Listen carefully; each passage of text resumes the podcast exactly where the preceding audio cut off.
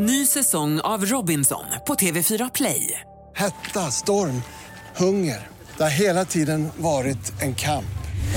Nu är det blod och tårar. Fan händer just nu. Det. är Detta är inte okej. Robinson 2024, nu fucking kör vi! Streama söndag på TV4 Play. 1986 vann hon tennisturneringen Kalanka Cup och rankades som nummer ett i Sverige bland juniorerna. Och under flera år tillhörde hon eliten i Europa.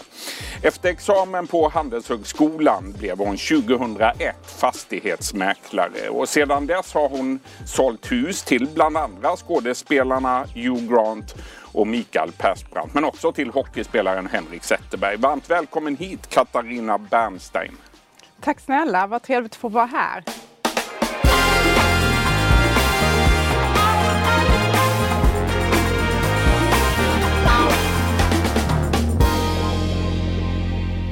Du, eh, vi ska snart prata bostadsmarknad. Vi, vi måste ju börja med tennisen. Jag är själv tennisspelare på amatörnivå men jag har också spelat Kalanka Cup. Hur kändes det 1986 när du vann den turneringen? Ja, men det var ju speciellt för Kalanka Cup på den tiden. Det Eh, var ju så stort. Det var ju stort. Ja, det var det. det var ju inom olika sporter. Jag kommer ihåg man, man hade läst om Ingmar Stenmark och ja, många profiler eh, som, som Kalanka Cup. Det var eh, stort inom de här grenarna också, idrottsgrenarna. Och sen när man själv står där överst på prispallen och hå- hålla upp den här kalanka pokalen det var ju något speciellt. Och jag har faktiskt den kvar, den står ju hemma i Båstad högst upp. Och tennisen har du ju inte släppt. Du sitter kvar i eh, styrelsen för Kungliga Låntennisklubben. Eh, och det händer fortfarande att du tävlar och vinner. För bara två år sedan då vann du en turnering som heter Strebe Cup mot industrimannen Carl Bennet. Hur mycket spelar du idag? Nej, men jag spelar eh, faktiskt eh, dagligen men kanske Dagligen? Ja, men kanske inte på samma nivå som tidigare utan mycket kanske med familj, eh, barn eh, och även eh, när jag känner för det så går jag in och, och steppar in och får slå mina slag om man säger så.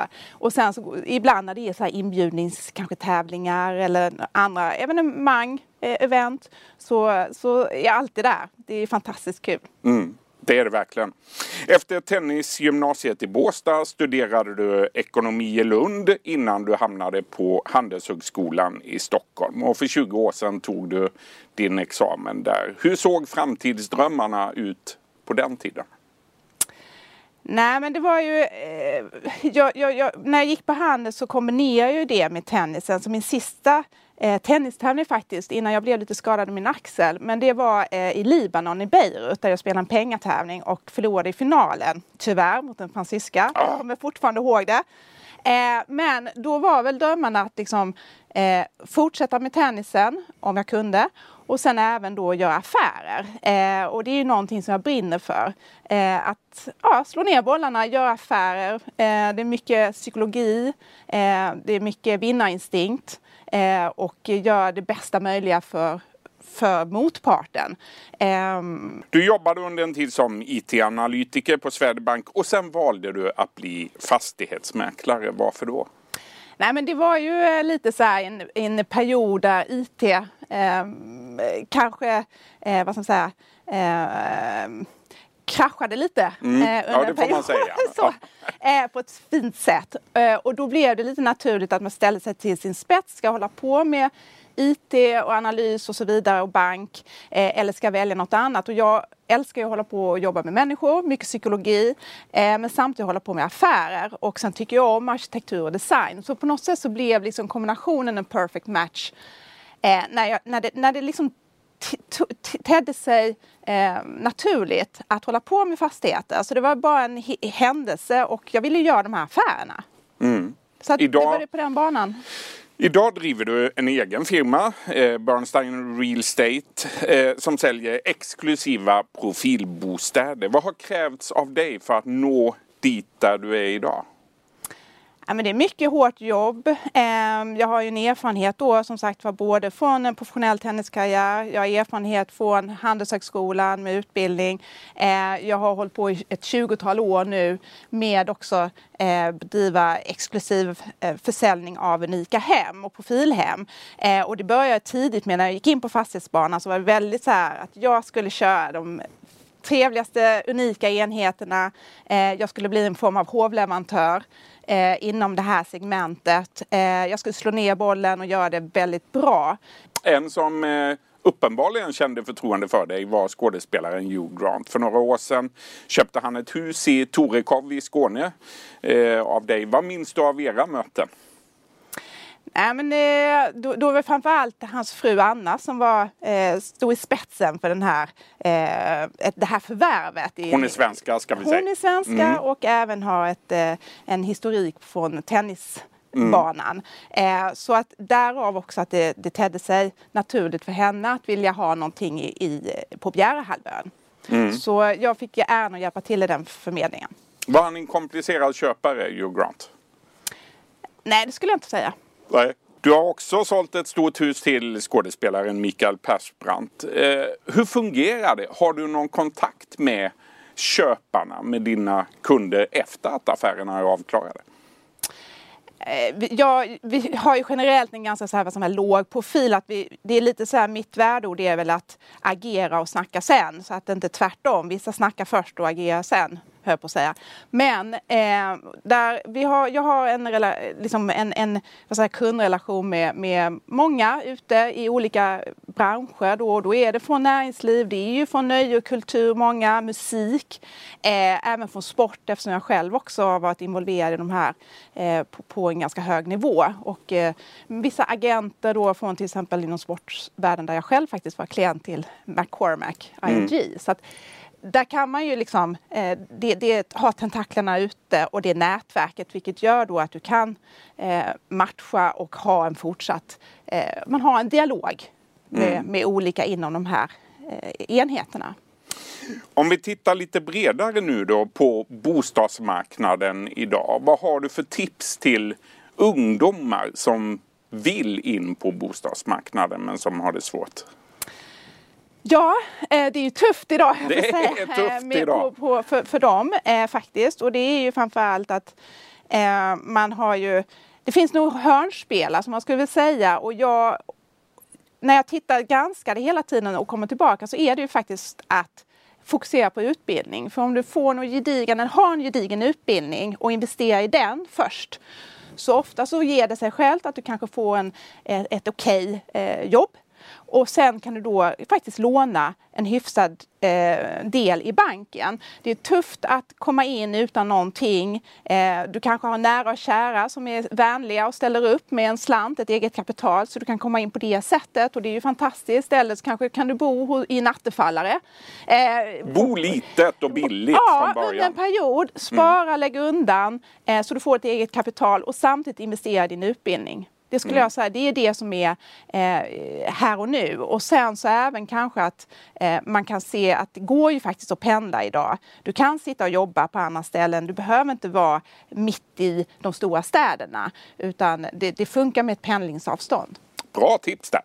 Hur ska man agera som köpare då för att komma så billigt undan som möjligt när man vill köpa ett nytt boende? Alltså det är ju svårt. Så, som marknaden ser ut idag och jag håller ju på med lite mer exklusiva och profilhem och så vidare.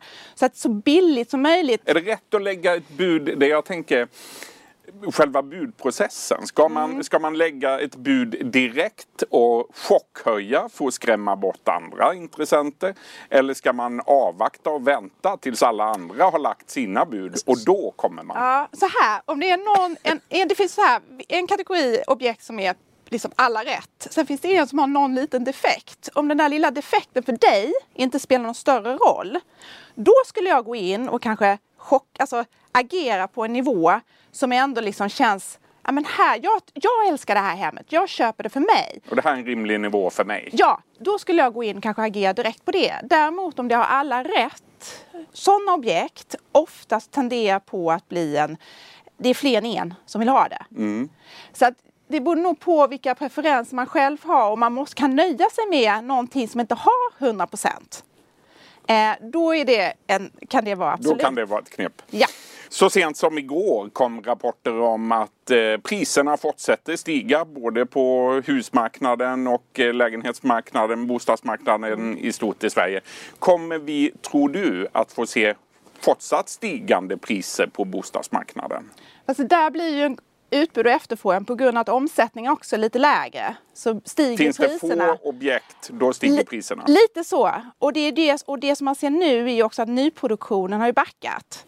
Men, och där har ju priserna satt sig på en lägre nivå. Så de finns, men det är inte heller kanske samma eh, så att säga, flöden som var tidigare, 2017 när det var liksom all, lite all time high höll jag på att säga, men det, det var på höga nivåer och sen har det dippat lite och sen nu så ser man successiv ökning igen. Men det är som sagt var, utbud och efterfrågan regleras ju. Mm. Det talas ibland om risken för att vi är i en bostadsbubbla som kan spricka när som helst. Vad tänker du om, om det? Kan det vara så att vi är i en bostadsbubbla? Eh, alltså det, uff, det är svårt för mig att gå in i den eh, Jag förstår det. Men, Inte ens politikerna har några svar. Så att jag... nej, men däremot så, så, så finns det väl alltid en risk när det blir lånas för mycket och så vidare. Samtidigt så är det ju faktiskt så att boendet är eh, det som står alla närmast sitt hjärta. Eh, och därmed så lägger du hellre några kronor extra på ditt boende än på att kanske, kanske konsumera till exempel resor och så vidare. Det är ju det man ser lite också, att folk börjar tänka eh, miljötänk. Eh, man tittar mer kanske i närområde, att ha allting samlat. Eh, lite mer som jag får en känsla av i Sverige. Eh, fritidsboende här och så vidare. Och att eh, det här med bostadsbubblor liksom ja, det, det, det kan ju också bli en chock om du äh, agerar med skatter och så vidare, fastighetsskatter. Äh, plötsligt kommer in... Politiska beslut kan påverka kan väldigt påverka mycket. det ännu liksom, mer. Men det är framförallt nu så är det väl tufft för också de, de yngre, alltså nya komma in på marknaden. Avslutningsvis, man undrar ju hur bor en stjärnmäklare? Hur bor du själv? Nej men jag, jag bor väldigt, ganska normalt. Du bor ganska normalt. Ja. Gjorde du en bra affär då? Eh, men jag är nog ganska så här eh, ordentlig min eh, hemläxa och kalkylerna värd. Men då, då kan jag säga att det tipset som jag har också, det är läge, läge, läge. Det andra kan man alltid eh, justera och ändra. Men läget är, och då gör du oftast en bra affär. Strålande! Tänk på det. Ett bra avslutande tips därifrån. Alltså stjärnmäklaren Katarina Bernstein. Stort tack för att du kom till vår studio idag. Stort tack själv! Du har lyssnat på en podcast från Expressen. Ansvarig utgivare är Klas Granström. Ny säsong av Robinson på TV4 Play. Hetta, storm, hunger. Det har hela tiden varit en kamp. Nu är det blod och tårar. Fan händer just nu. Det. är Detta är inte okej. Robinson 2024, nu fucking kör vi! Streama söndag på TV4 Play.